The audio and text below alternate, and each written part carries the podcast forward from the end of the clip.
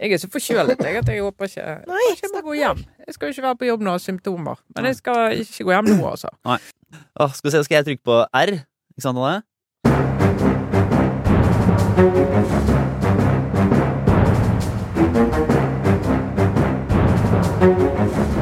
Sånn. God torsdag, alle sammen. Da er det en ny utgave av Aftenpodden. Vi er på plass i studio, alle fire. God dag, god dag, Trine Eilertsen. God morgen. Ja. Full av Jeg tror, jeg tror jeg holder på å bli forkjølet eller et eller annet. du, du kan ikke Det her er, det her er sånn eh, Du kan ikke gå inn med så lav energi. Hei! Ja! Nå har jeg ikke mer energi igjen. Brukte alt på det. Dette, det her holder ikke, Trine. Jeg lover, det kommer til å bli bedre. Ja. God morgen, god morgen, Kjetil Alstheim. God morgen, Lars. Hvordan greier du å være en sånn solstråle etter den natta du har hatt? Nei, det er fordi jeg ikke er en morgengretten fyr. Og jeg må bare, jeg ta, Det kommer et par andre rettelser i løpet av denne podkastepisoden. Jeg vil bare ha jeg er liksom for- programforplikta til å si at mitt diskusjon om morgengretenhet hjemme i mitt eget eh, hjem det var ikke en, eh, en bekreftelse på at min kjære samboer er morgengretten. Det har vært en oppfatning. Eh, Det var det etterlatt inntrykk. Det var etterlatt inntrykk, og det vil jeg bare avkrefte med en gang. Men jeg, jeg tar gjerne den. Du, så du kan jo kan. Du kan ta den. Det det vet jeg flere andre som, eh, som også har, har uttrykt seg liksom i fellesskap med henne, og der hun en, en klubb hun ikke har lyst til å være i, være i, rett og slett. Åssen er det med deg, Sara? Jo, eh, jeg sitter der og gir liksom luehår et ansikt, eh, oppdager jeg. Men eh, ellers starta dagen med lussekatt. Det hjalp. Så nå føler jeg meg i god form. Jeg har, en, jeg har en, et godt, men ubekrefta rykte, Lars, til, om deg. Har du det? Eh, apropos det du akkurat snakket om. Ja. Eh, det kan godt hende du ikke er morgengretten, men du har utfordringer med lavt blodsukker blodsukker.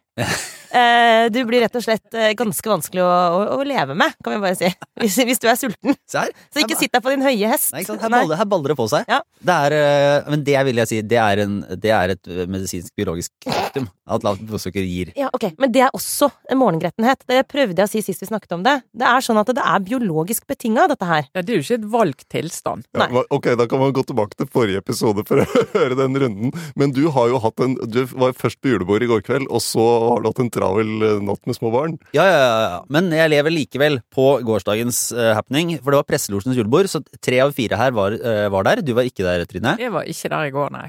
Nei. For de som ikke må kjenne til det, så er Presselosjen er jo da måtte, forsamlingen av journalister som, som egentlig i utgangspunktet jobber på Stortinget.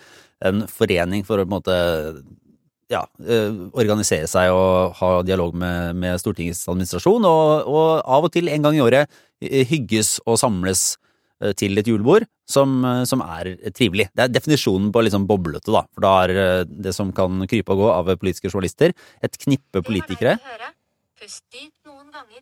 Dette, eh, dette var faktisk Siri som skrudde seg på på min telefon, Ja. selv om jeg har på sånn diskré. Som sa dette var leit å høre, pust rolig. dette er faktisk så enorm mindfuck. Altså, Hvorfor skjer dette, og hvorfor skjer det når vi snakker om Presselosjens julebord? Nei, det er vel kanskje fordi at det var uh, Det er jo Det er, det er, det er, en, det er en eh, anledning som, som uh, fang, ofte, ofte fanger opp mye gøy. Og ok, det er kanskje litt sånn selvsentrert, men det har en slags politisk betydning òg, har det ikke det? Ja, og så er det jo eh, si, Norske journalister har jo et eh, Hva skal vi si De har egentlig godt forhold til politikerne. Sant? Egentlig. Eh, Og det er et godt samarbeid, vil jeg si. Så høres jo det rart ut å si det. Men vi har veldig god tilgang til politikerne. Eh, journalistene får jo lov, det har vært forsøk på å begrense det, men de får jo lov å gå rundt i gangene på Stortinget og banke på kontordører og stortingsrepresentanter. Det er veldig mange land, jeg vet ikke om det er noen land der journalister har bedre tilgang. Og hvis man eh, har lest de sakene fra tidligere om dette som gullkortet som tidligere stortingsrepresentanter får, som har vært spørsmålet går videre til lobbybedrifter og andre og likevel har tilgang på Stortinget, så har jo da medlemmer av Stortingets presselosje kan jo da gå ut og inn på Stortinget fritt. Så de har Ja, de trenger ikke ha en avtale. Eh, og så denne her, eh, dette julebordet er jo en litt sånn ok, nå samles vi som kanskje kan være skikkelig sånn uenige og spisse i kommunikasjonen resten av året fordi at journalistene jobber med saker som ikke alle er like glad for hele tiden. Eh, så kan du ha en sånn litt sånn lavere skuldre og tulle med hverandre og raljere mye med hverandre. Og det er jo veldig sånn satirisk innramming da på en del av det som eh, blir sagt og gjort på denne Ja, i, i best, på sitt aller beste, nå skal vi være litt forsiktige her, altså, men på sitt aller beste så er akkurat dette arrangementet litt sånn som det som um, kalles uh, correspondent dinner, er ikke det det heter? Uh, I USA, i Det hvite hus, er det sånn én sånn middag i året hvor presidenten inviterer pressefolk, og så litt sånn diverse Og så er det liksom hele greia er at talene skal være sånn ordentlig burn. Altså du skal klare å liksom Du skal levere noe som er liksom på veldig høyt nivå humormessig, men hvor du skal på en måte stikke alle som stikkes kan. Og det var jo det, det gøyeste med Presselosjens julebord er at um, noen ganger så Altså hvert år så inviteres det politikere, og mange av de blir bedt om å holde en tale, og noen ganger så leverer de sånn Altså utrolig bra på å være akkurat passe morsomme og frekke og denge journalistene en del, men likevel på en eller annen måte få oss til å føle at de liker oss likevel, da. Ja. ja og også holde taler der det ligger lag på lag i, under og mellom linjene og oppå og rundt. Ja, og det fikk vi et eksempel på i går. Ja, ikke sant, for da var jo en av talerne Det var jo de tre talerne som var, og Mimi Kristiansson, eh, og så var det Jonas Gahr Støre på, på, slutten, og så var det Hadia Tajik som holdt en tale som jeg tror ble snakkisen Eh, for det, der, det er på en måte helt Vi trenger ikke å gjengi hele, og det har eh, Det ville ikke Det ville ikke uten rettferdighet. Men, eh, men, hun Det var jo Det var både liksom spiss mot Den var Spiss på en litt sånn interessant måte, og, utleverende på en morsom måte. Og jeg vet ikke helt hvordan en skal liksom, beskrive dette, men sammenligna med det overordna eh, pressens liksom, årene har vært gjennom med en, eh, med en analundersøkelse. Litt sånn anus horribilis, for å ja. komme med et litt uh, billig ordspill. ja. Eller hun sa vel, introduserte vel det med at det ene, jeg har gitt dere innsyn i alt, det er bare én ting dere ikke har fått innsyn i, og det var den analundersøkelsen som på en måte satte stemningen for resten av, av, julebordet, kan du si. Ja. Altså Det som eh, sikkert høres helt absurd ut når vi prøver å gjenfortelle, så la oss bare liksom stoppe der når det gjelder sånn gjenfortelling. Men eh, det som var det etterlatte inntrykket, for å bruke det litt slitte begrepet, etter hennes tale, var at det var en ufattelig sånn offensiv, kvikk, drøy på den rette måten, Hadia Tajik, som eh, tilsynelatende var liksom helt sånn upreget av det ekstremt røffe året hun har vært igjennom. Eh, så har det helt sikkert vært eh, Hun har helt sikkert ikke alltid hatt liksom denne holdningen gjennom eh, disse her rundene hun har vært, men det er umulig å tenke på noe annet enn at liksom hun er tilbake. Hva nå det betyr, da, men hun var på en måte Hva skal vi si Hun, hun annonserte liksom 'her kommer jeg' i går. Ja, for det var, det var, en sånn, det var litt sånn Powerwoman-stil ja. over, over, dette her. Spøker med på en måte på det som kan oppleves som litt sånn drøyt, men fungerte. Det kunne gått helt, helt, helt galt. Jeg tror eh, de absolutt aller, aller fleste mente at det her eh, fungerte. Var åpenbart sånn Eide den situasjonen. Det, det ble, i hvert fall, det er ikke sikkert det var ment sånn heller, altså, men det ble et sånn politisk statement å stå overfor alle politiske journalistene i Norge, si sånn Jeg eier denne situasjonen jeg har eh, arbeidskapasitet, jeg kan tulle med meg selv, jeg kan tulle med dere, jeg kan tulle med Jonas Gahr Støre. Kunne tulle med LO. Kunne tulle med og der lå det mye under. Ja. Hvis jeg husker det, eh, Noe av det som eh, virkelig gjorde at hun til slutt trakk seg, var jo et utspill fra, fra LO-lederen og to av lederne av LO-forbundene. Mm. Og en spøk som jeg syns var morsom, og som det var vanskelig å ikke lese en slags dobbel bunn i, var altså, Eh, komplimentet i seg selv var vel egentlig spøken, for eh, Audun Lysbakken var jo der også, han går jo av som, som SV-leder, eh, og hun takket ham både liksom for, for, en, for, å ha vært en veldig god partileder, ektefølt, da, men også la inn at, at han var jo At han hadde gått av som statsråd, gått på som partileder, og løftet partiet til nye høyder og fått gjennomført ting som ingen trodde var mulig. Les akkurat hva du vil inn i det poenget der. det var en spøk, det var morsomt, men det er vanskelig å ikke igjen ikke se det i bildet av at sånn det, her er det her er det, det er muligheter hun ser framover. Og så er det for siste, siste, poeng som er litt mer sånn, når du er veldig omtalt, og også kvinnelig politiker, og er såpass også i, altså, i hardt vær, som Hadia Tajik har vært uh, siste året, så var hun også sånn Hun åpnet jo da med en sånn sjokkerende intimtyrannisk replikk, uh, og klarte på en måte å holde seg akkurat på sånt nivå hvor du er Når du hører på, liksom, så, sånn, et eller annet sånn der veldig, veldig utleverende på en sånn helt ekstremt flau måte, men ikke over streken, da, men, men hun var såpass drøy at eh, Og det var såpass overraskende. Altså, Hadia Tajik fremstår jo som en utrolig skikkelig Det er på en måte kanskje en av hennes store problemer og utfordringer, i hvert fall, at hun er liksom helt sånn flink pikeaktig. Så når hun plutselig slår til og er helt sånn superdrøy, så er det akkurat som hele forsamlingen bare fikk et slags sånn frikort, eller slags sånn, en sånn invitasjon til å bare liksom være helt eh, drøye. Men akkurat den forsamlingen trengte jo ikke nødvendigvis det. Så jeg vil si at hennes tale også preget liksom smalltalken i baren utover kvelden. da. Eh, og det skal jeg ikke holde mot Hadia, men jeg kan si at det var det var ikke alle de historiene som ble delt der, som nødvendigvis hadde trengt å bli delt. Nei. Kan vi si det sånn? Men så eh, er du, er du bitter for at ikke du var der, Trine? Eh, nei. Men jeg har et godt, men ubekreftet rykte eh, fra, fra, fra kvelden. Av, av, av sjokkerende ting. Som var det, og det her er, det er også litt sånn indiskré. Jeg håper at ikke vi avvenner noen politikere fra å holde drøye eller eh, morsomme taler. Eller, eh, eller på en måte ellers eh, oppføre seg eh, på, på julebord. Men veldig overraskende. Eh, altså, MDGs Landmar Berg eh, spiste kjøtt. Ja. Det er jo altså ikke i seg selv sjokkerende, men bare litt sånn mildt overraskende. Er, er du liksom litt Du går inn i Du henter inn din indre Nettavisen-reporter nå, eller? Ja, ikke sant? Oi, Og- hun har kjørt ja, bensindrosje! ja, ja, ja. Det er helt, helt usaklig, selvfølgelig. Eh, Men det var buffé, så det var jo på en måte det var en eh, Jeg leser ikke så veldig mye politisk statement i akkurat det, da.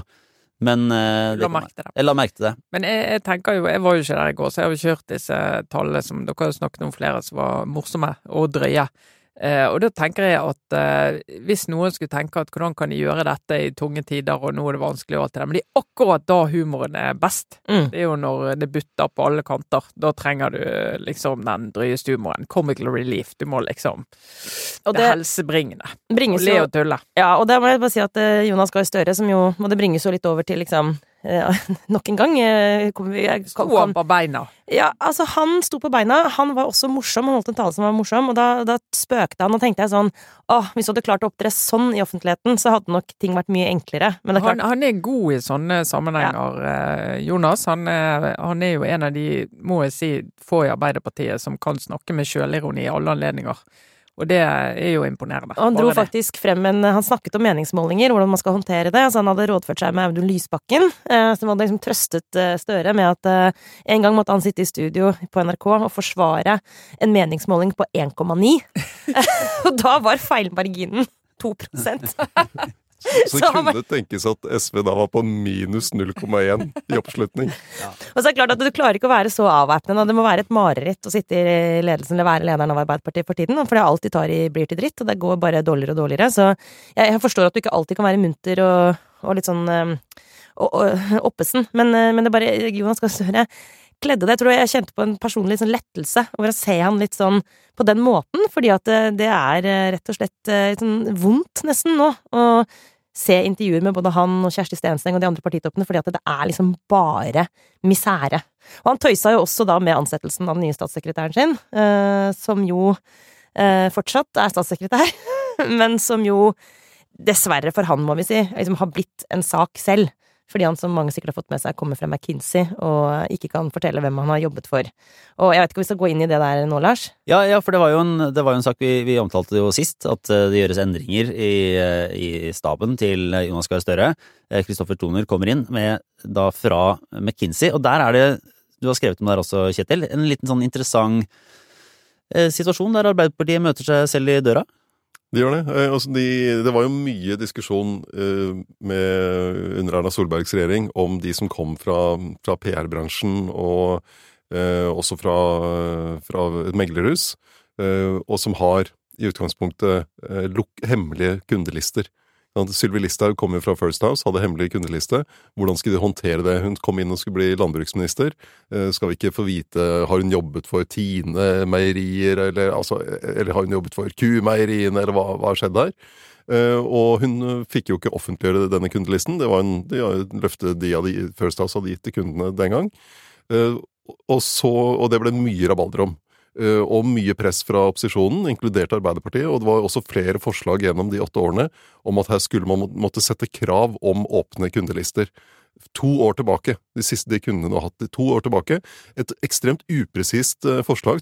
Bare sånn rådgivningsselskaper var det som sto. Eh, og så har Støre nå prøvd å spinne denne saken ved å si han kommer jo ikke fra PR-bransjen, og det, det, holder bare ikke, da. Nei. og, men det, det, de gjorde med, med Sylvi Listhaug og Julie Bråttkorp, som kom inn og var statssekretær for Erna Solberg, og også kom fra PR-bransjen, var at uh, regjeringsråden på statsministerens kontor fikk se kundelisten til Julie Bråttkorp. Og departementsråden i Landbruksdepartementet fikk se kundelisten til Sylvi Listhaug. Altså det er den øverste byråkraten da, mm. i Landbruksdepartementet, øverste byråkraten på statsministerens kontor. For å kunne bistå eh, Listhaug og Broskorp med vurderinger av habilitet. Mm. Du har et par andre øyne som ser på sånne saker. Mens McKinsey har sagt at her kan ingen se noen ting. Du kan ikke, de, Til nå da, så har de sagt at selv hun som er regjeringsråd på SMK håndterer noen av de mest hemmelige sakene i landet. kan de, ikke få vite. De hemmeligste sakene i landet har jo hun innsyn i. Absolutt. Det, men nå, så, så, så den fikk de jo, fikk de jo rett i fleisen. Eh, fordi her hadde de bare i utgangspunktet akseptert at de ikke kunne få vite noe om kundene til Toner. Svagt, Og så kommer det da etter et par dager med, med, saker om det.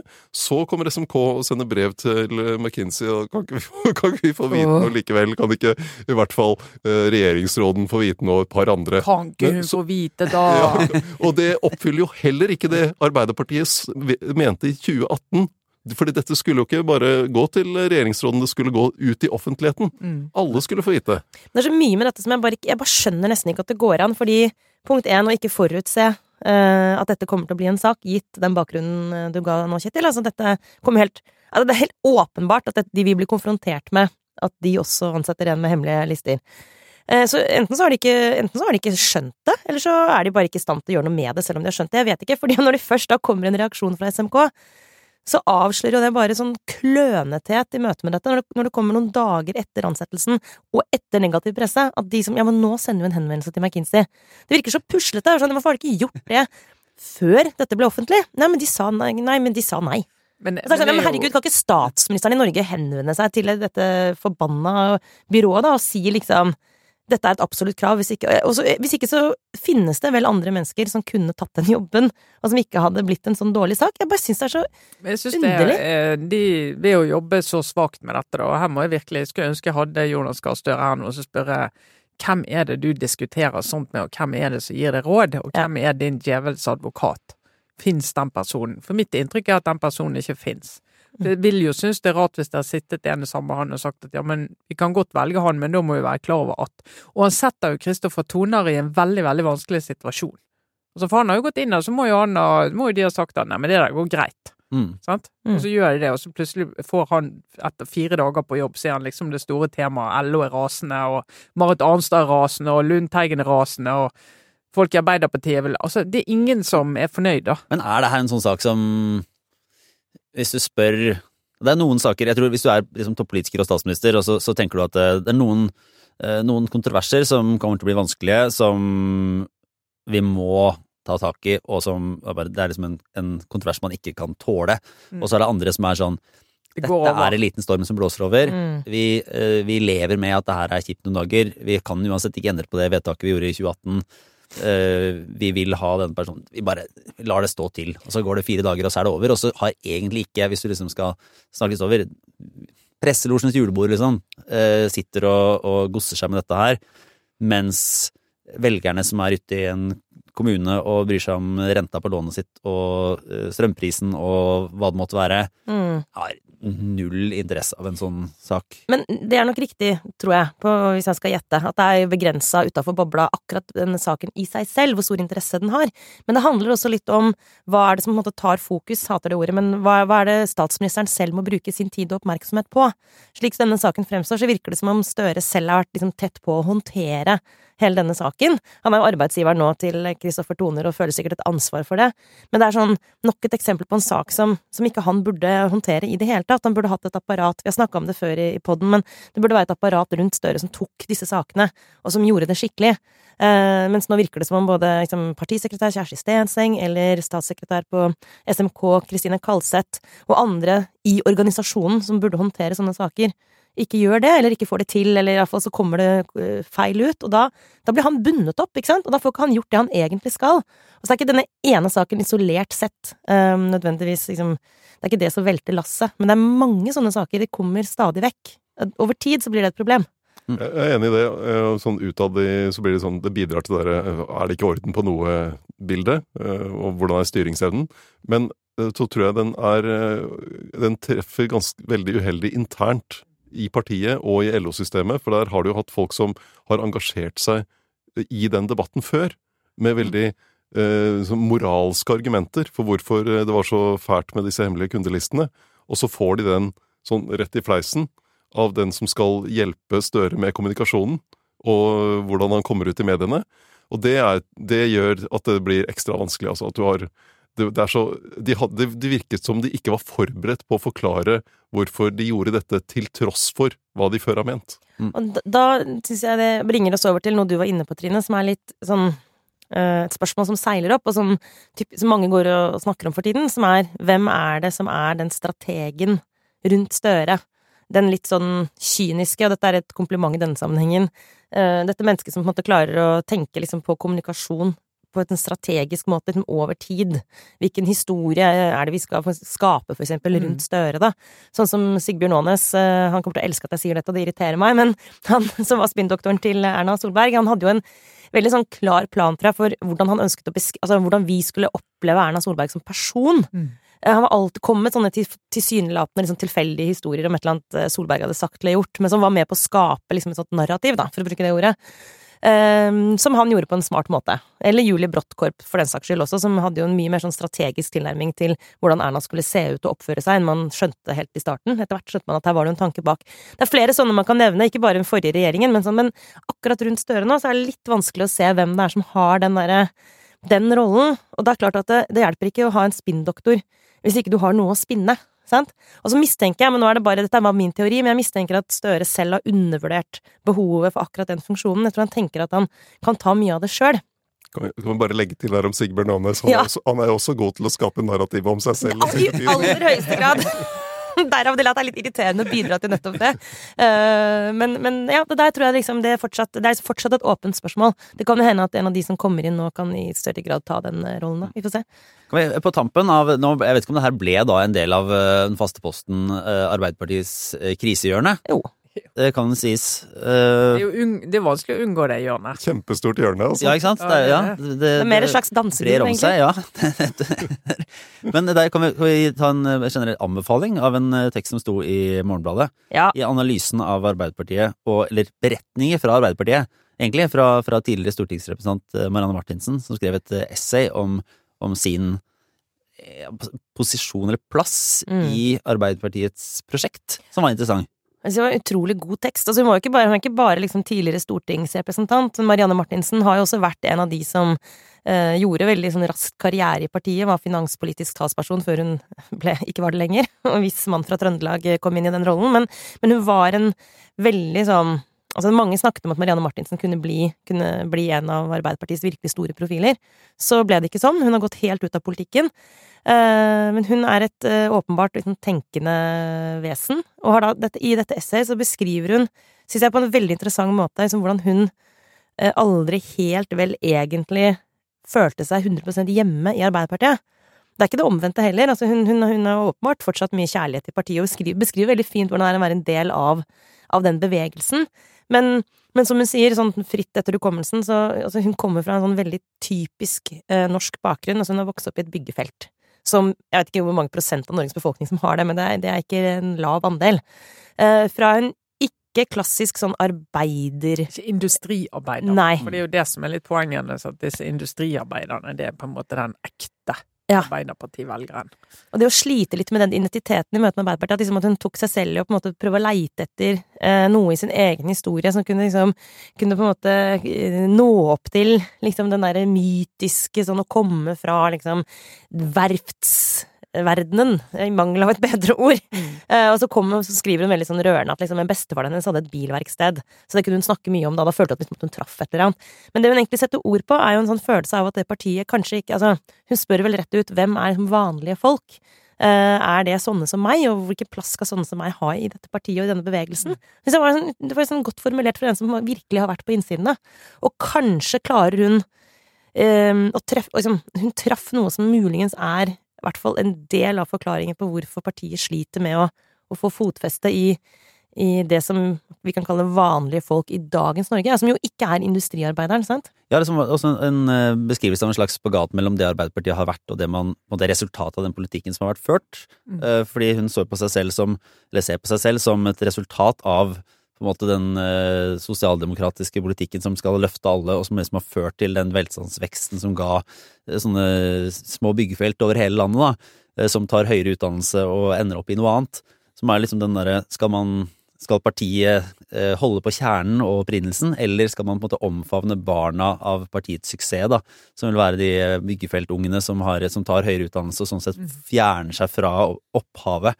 Og det er jo et sånn det er mange sånne ulike spenn og dimensjoner i Arbeiderpartiet, men den er jo ganske, ganske klassisk og vel formulert og interessant å lese, den der spennet mellom nettopp den industrivelgerne og liksom kjernen som har fått en oppsving, vil jeg si, de siste tre-fire åra i fortellingen om Arbeiderpartiet Eh, og, og Ja, og så er det jo en politisk spenning òg, som hun nå peker på, sant. At når du skal inn i denne her eh, Vi må omstille oss, det må bli grønt. Det må bli, liksom bli nye arbeidsplasser. Og sier det er mange av de nye, kall det arbeiderne, da. De eh, jobber ikke inne i et smelteverk, men de jobber med å utvikle teknologi og altså ting som kanskje mange blir sett på som veldig sånn, ja ikke snobbete, men i hvert fall fjernt fra kjernen til Arbeiderpartiet. Og vil de klare å stå i denne spenningen, og vil de klare å håndtere at olje og gass eh, fases ut, og ta de diskusjonene, da. Ja, altså, jeg syns det er interessant å Hennes eh, essay handler jo om en lengre periode enn akkurat den siste. Altså, man har en diskusjon nå om Arbeiderpartiet legger seg for langt til venstre og mister en del av, av eh, de velgerne som flyter et eller annet sted mellom Arbeiderpartiet og Høyre. Eh, og så er det jo, når du tenker tilbake, da, så har du jo ikke sant, Gro Harlem Brundtland, legen som var eh, leder i mange år. Eh, Jens Stoltenberg, samfunnsøkonomen. Mm. Jonas Gahr Støre, utdannet i Paris. Eh, så det, dette spennet har de jo. Det er jo ikke nytt. Mm. Nei. Nei, men, det... Eh, men, eh, de har jo greid å håndtere det i lange perioder, og så er det vanskeligere nå, av en eller annen grunn. Men er det ikke egentlig også det en klassisk sånn, historie om det å modernisere? Det trenger ikke å være bare et parti, men en organisasjon. Altså, det er en kulturendring da, som må følge med, det må følge med samfunnsutviklingen. Og så beskriver hun jo egentlig at det har vært kanskje vanskeligere for Arbeiderpartiet enn vi skjønner. Altså, det er liksom, du er inne på, Kjetil, dette er ting som tar lengre tid enn en valgkamp, sant? Uh, men det er mulig hun jeg, jeg tror hun treffer på at det moderne sosialdemokratiet fremdeles, i beste fall, er i støpeskjeen. Fordi en arbeiderbevegelse for middelklassen, eller øvre middelklasse til og med, er jo ikke på en måte uttalt, det er ikke formulert, det prosjektet.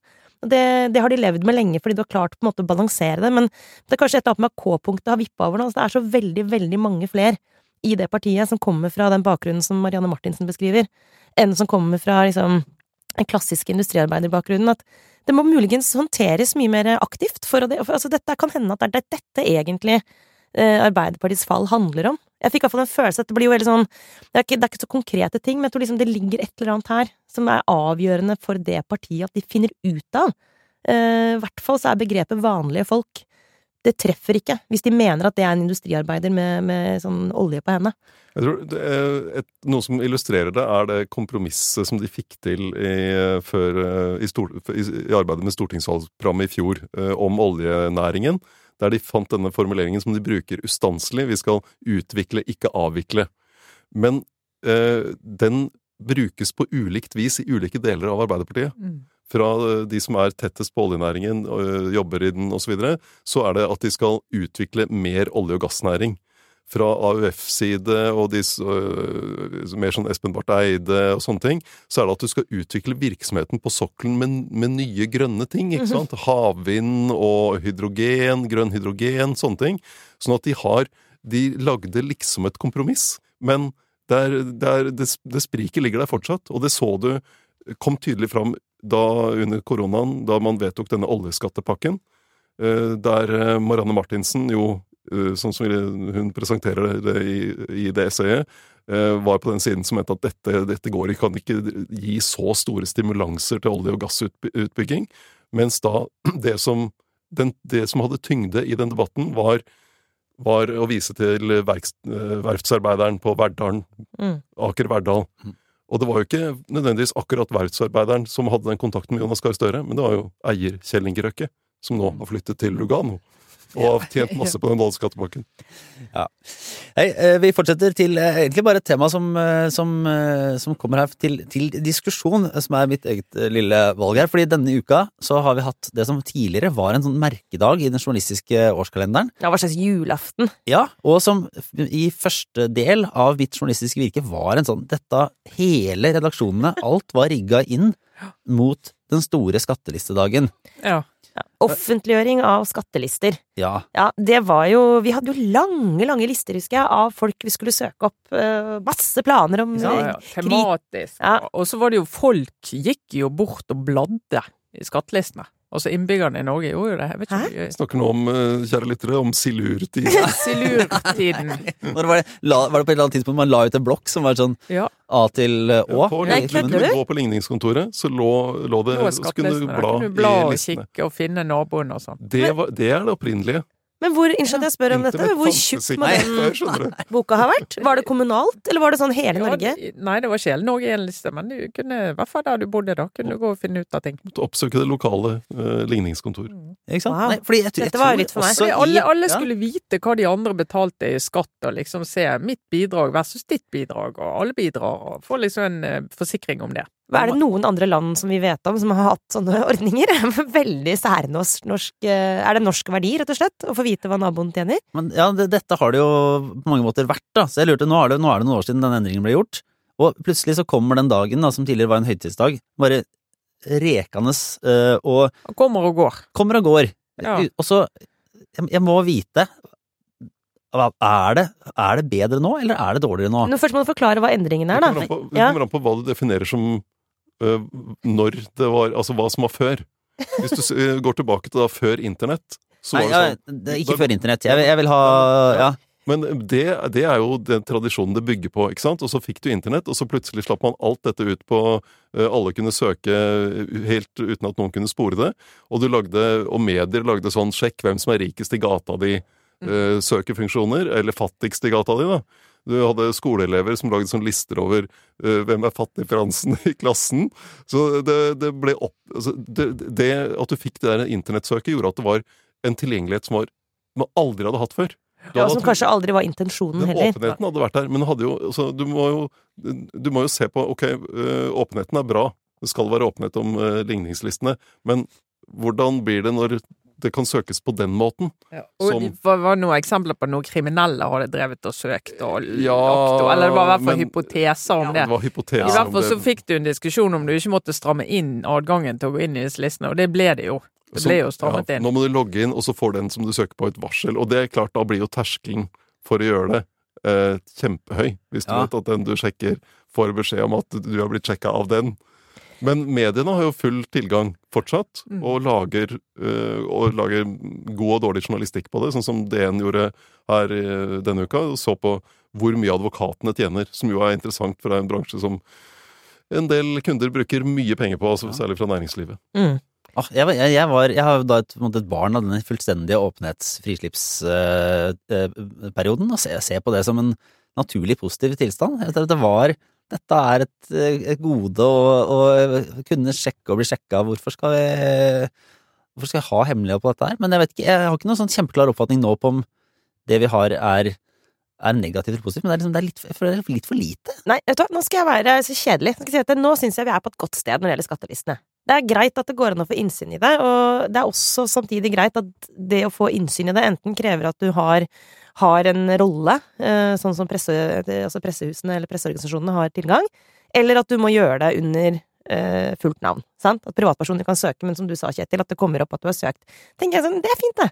Det er sånn passe kontroll. Da er det ikke helt sånn uh, Hawaii, men, men, men likevel liksom en åpenhet som, da, som vi syns er viktig i Norge. Synes, Men passe kontroll er ikke for vanlig, for vanlig for, Hvis, du, hvis det er sånn at den som blir sjekka, får en melding Men de får kanskje at de har blitt sjekka, ikke at hvem som har gjort det. Jeg tror du kan få innsyn i hvem som har gjort det, men jeg er litt usikker. Men For det er en veldig veldig høy, det er en veldig høy mur. Det er, en måte, det er en kunstig åpenhet. Du får, eh, jeg, tror, jeg mener du får eh, dette, Nå er jo dårlig research her, altså vi er på julebord, så unnskyld, men eh, du får beskjed om hvem som har eh, søkt på deg. Jeg kan, Og det, jeg og kan, det gir jo en veldig høy terskel, så det er eh, Jeg er ikke helt sikker på om vi har truffet akkurat, men, men det å gå tilbake til der det var liksom fri fest, søkefest på skattelistene, det hadde også noen sider som ikke var helt bra. jeg kan komme med et godt, men ubekreftet rykte om at eh, blant våre absolutt ledende politikere er det like stor usikkerhet rundt dette som vi har her i studio. Overhørte faktisk en. Eh, La oss kalle han bare en partileder som var på julebord i går, spørre sin rådgiver om han kunne søke i skattelistene, eller om det ville bli oppdaget. Eh, ja. ja. her er det mange som lurer. Teoretisk grunnlag. På Ja. teoretisk grunnlag. Ja. Helt absolutt teoretisk grunnlag. Men uh, vi er siste Ja, nei. Vi, eh, eh, det er ikke julaften lenger i redaksjonene, må vi kunne si. Og det er kanskje greit, Lars. Ja. Hei, vi går videre til en runde med obligatorisk refleksjon. Mm. Lurer på om jeg skal begynne, for Ja. jeg må logge ut, merker jeg. Fordi at jeg er rett og slett så Jeg er så forkjølet. Du er, ja, du har Jeg sitter og klager litt over det. truffet Ja. Ja. Altså, Trine, du har jo en del egenskaper som hvis man skulle tenkt veldig sånn stereotypisk på deg, skulle sagt sånn at du har noen, noen klassiske, mer sånn maskuline egenskaper. Ja. Uh, så det det. der å takle sykdom sånn helt passe Altså, på en både, ja, både standhaftig, men når du først treffer, Ja, så altså- treffer du. Trine, Ja, Trine er aldri syk, det er på ekte. Jeg tror aldri jeg har sett deg syk før, men jeg kan si at det er bra, for at det, du har det ikke godt med å være å kjenne at du blir syk som pjusk. Nå sitter jeg jo her, vet du. Ja. Nei, altså eh, to anbefalinger. Og det ene er en overgang til din obligatoriske Ja, refleksjon, eh, Lars. Eh, Første anbefalingen det er en eh, podkast som vi i Aftenposten har laget. Der vi har fulgt Vi har jo fulgt Shabana Rehman det siste året. Som alle vet, så er hun kreftsyk. Terminalt kreftsyk. Um, og da var det jo hva inngangen på den podkasten var Hun har fortalt historien sin så mange ganger, i så mange formater. Klarer vi å lage noe nytt her? Det var en stor utfordring. Så Bjørn Egen Halvorsen og det teamet som jobbet med det, gikk jo inn med den ambisjonen, da. Eh, og har snakket nå, jeg har hørt eh, halvparten av episodene, og det er veldig, veldig bra. Og det er en veldig sånn påminnelse om, for det handler ikke bare om Altså, det handler veldig lite om egentlig at hun er syk, eh, men det handler jo om hvor hun kommer fra, hvordan hun ble den hun ble, hva rolle hun har spilt i de store debattene i Norge de siste 30 årene. Eh, hvordan hun eh, sto opp som den første kvinnelige eh, standup-komikeren med pakistansk bakgrunn på en scene, og begynte å snakke om masse tabuer og løfte ned debatter, og hva det har kostet henne. Så jeg, altså, den ligger Podme og Aftenposten-appen. Anbefales veldig. Og så er vi jo eh, neste anbefaling og en podkast, Lars. Så er en eh, flyvepuck inni det du skal snakke om, som Ja. du er fascinert av. og Jeg tror mange er fascinert av, og det er jo det som skjedde i Tyskland eh, i går. Ja. Med denne razziaen som vi skal gå i dybden på. Men bakteppet for de som har lyst, de kan høre en podkast som New York Times lagde i fjor som heter Day X, altså Dag X, der den tysklandskorrespondenten til New York Times har laget en serie på fem-seks episoder om dette her mørke ytre høyre-miljøet som eh, går langt inn i Forsvaret, inn i politiet, og det er litt det, det er connections med det som skjedde i går. Eh, og Kom bare snakke om han der Frankie A, som eh, var en eh, tysk eh, militær Lurer på om han hadde vært soldat, jeg. Eh, eller vært i Forsvaret. Eh, og så faktisk eh, meldte seg, altså ble registrert som syrisk asylsøker. Ja, det var det greiene der, ja. ja. Vanvittig historie. For å komme inn og være en del, og liksom ha, I flere år hadde han en sånn undercover slags identitet som syrisk asylsøker, og for å komme inn og lage uro, og vise at eh, denne innvandringen vi holder på med nå, er farlig. Eh, og snakker og ruller opp mange av de sakene, og mange saker som har gått under radaren, egentlig, i de siste årene i Tyskland, som viser at det som skjedde i går, altså, det kommer jo fra et sted. Det har skjedd masse i Tyskland de siste årene som er har pekt i denne retningen. Ja, for det er altså min eh, jeg, Av saker som bare eh, fanger oppmerksomhet, og som eh, får lyst til å grave dypere og dypere i, så er det, er det nettopp denne store razziaen av, av en eh, haug med tyskere som har organisert seg i et litt sånn løst forbund av folk som ikke aksepterer grensene og styret etter andre verdenskrig. De kjemper for å gjeninnføre monarkiet. Ja.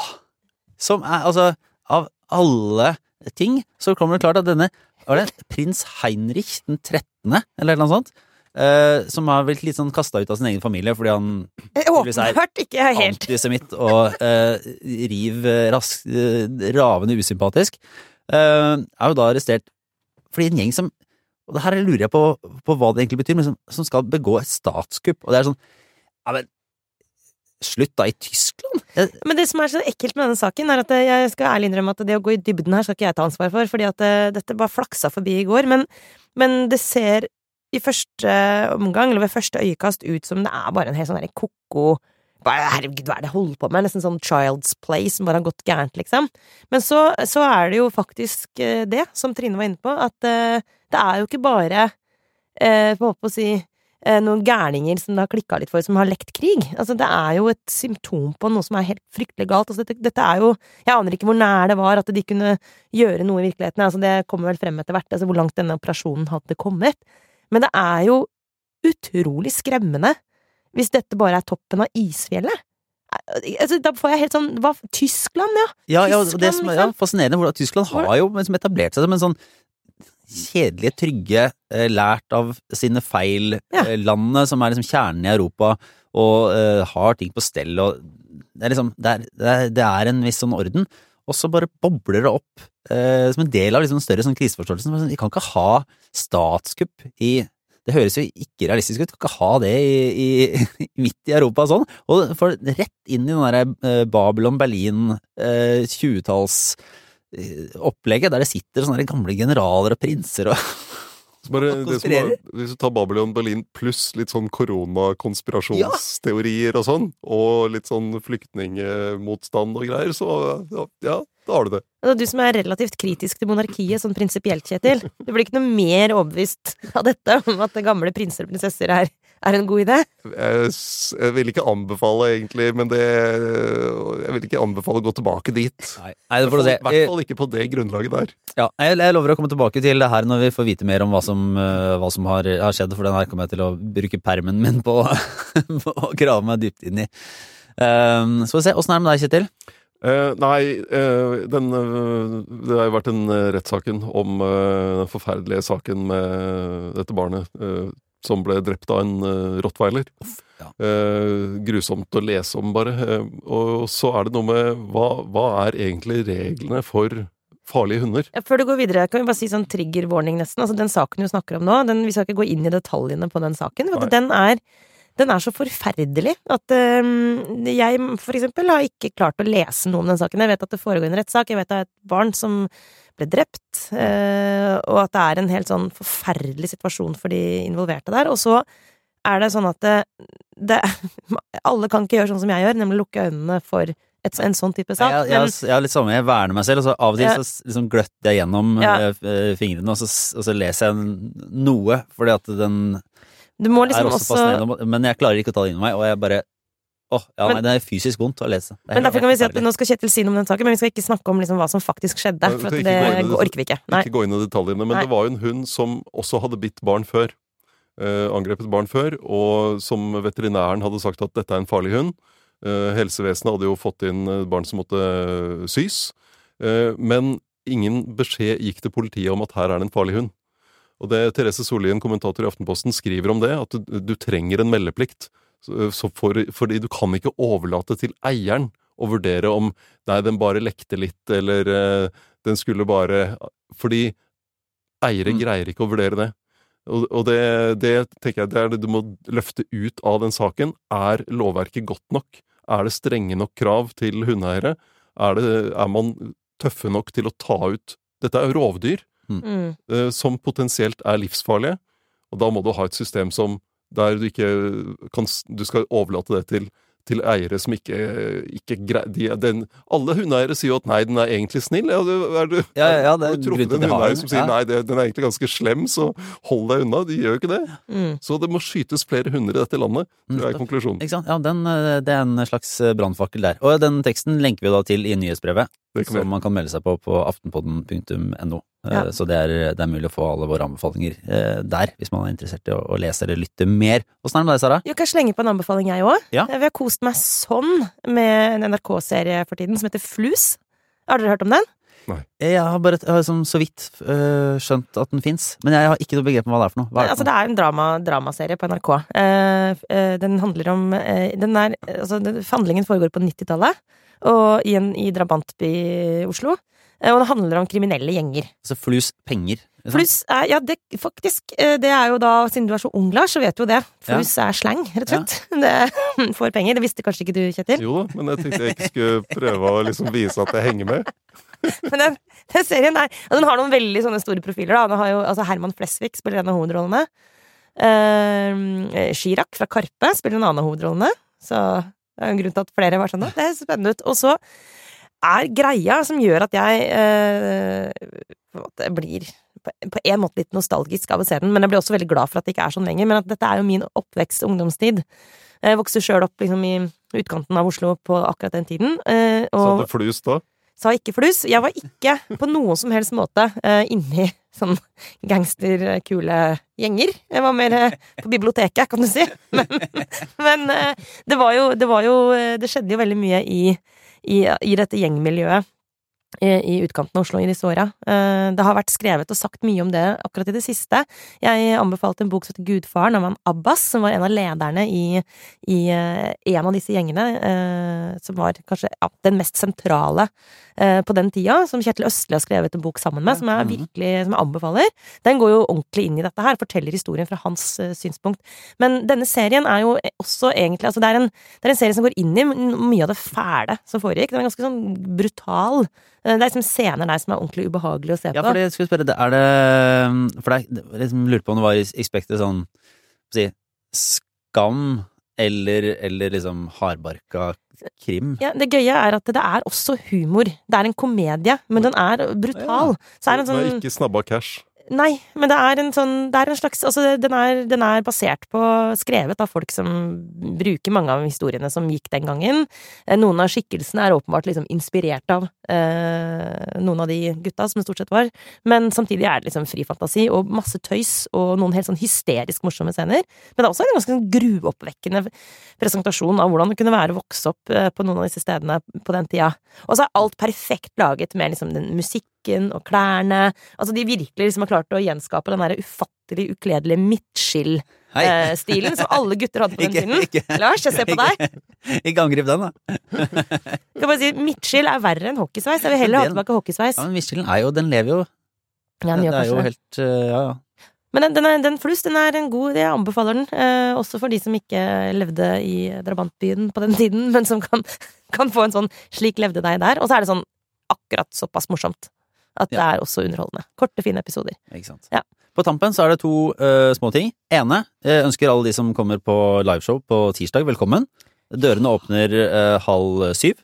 Eh, Det har stått på Facebook at dørene åpner syv, men vi har bare skjøvet det fram en halvtime for å tilpasse oss en meget eksklusiv og god gjest som kommer. Det er jo så mange folk som skal inn. Og så mange som skal inn, så det tar litt tid, men vi satser på da å begynne halv åtte. Og da er det greit å være i god tid, så det er bare en liten sånn public service announcement. Og så må vi jo komme med en liten beklagelse, da. Å Fordi- gud, ja! uh, egentlig på vegne av Trine, tror jeg, som, Mm. som nå har forlatt oss uh, i sykdom, eller skam. Uh, fordi hun jeg mener at hun leda an i Ja. å, å avspore oss når det gjaldt Nidaros som, eh, som en bydel i Trondheim. Ja, Vi kom i skade for i forrige sending å snakke om eh, Nidaros sosialdemokratiske forum. Altså Det var ikke problemet at vi snakket om det, men vi, vi var vel litt sånn at det var et lokallag eh, i Trondheim. Og det kan vi si sånn Det var, kom vel litt sånn mellom linjene frem at vi kanskje trodde at Nidaros var en bydel i Ja, altså, Trondheim. det er ja, egentlig det vi må bare Jeg legge tror oss til og med flat. var oppå linjene, faktisk. Jeg tror det var oppå linjene. jeg tror Altfor tydelig oppå linjene. Jeg, jeg vil si For egen del så visste jeg selvfølgelig vet jo selvfølgelig at Nidaros er det gamle navnet på Trondheim. Men Det, vet kunne jo det visste du ikke, Lars. Det visste jeg vel. Hvorfor sa du det ikke da? Nidarosdomen, altså. Det er jo ikke Det er jo til Ja, all sånn uh... Hvordan føles det å sitte på sånn kunnskap og ikke dele den? Nei, jeg tenkte det er jo sikkert en bydel òg, da. Hva, hva Det kunne jo vært, kunne vært en bydel. Det kunne jo vært en bydel. Var gamle navnet. Eh, altså Kristiania var en bydel i Nei, vent, da. Så kan man starte, så det betyr at eh, hvis man skal gjøre noe lignende i Oslo, så kan man starte Kristiania Sosialdemokratiske forum. Ja. Ja. Eller i Bergen så- Nei, hvem, hvor var Bjørgvin igjen? Det var Bergen, Ja, sant? ja, ja. Bjørgvin. Og Bjørgvin. Ja. Sosialdemokratiske forum. Bispedømme, det. Bispedømmene. Ja. Ok, Men det er, jo, det er jo, nå åpner det seg jo en hel masse nye muligheter her, hvis det er greit å bruke gamle, utdødde bynavn også nå. Ikke sant? Som, for, som lokallag. Nå høres så- det ikke ut som vi beklager noe som helst. Nei, nei, Nei, det er sant, det. Ok, vi, vi beklager Ja. at vi var eh, slumsete. Til alle trøndere Ja. og uh, andre som har lokal geografisk interesse for eh, Trondheim by, og, og sånn generelt da for, for inkompetanse hva, hva bydelsstrukturen i, i Trondheim uh, ja, det Angår. av. Angår ja. Ja. Så, så beklager det. Vi satser på å komme sterkere tilbake. Uh, Vi kommer nok helt sikkert tilbake til Nidaros på et eller annet vis. Antar jeg. Selv om det ikke er et sted. Selv om det ikke er et sted. Det er en politisk visjon. Nei, eh, det var det for denne uka. Vi er tilbake neste. Takk for oss. Det var. Ha det bra.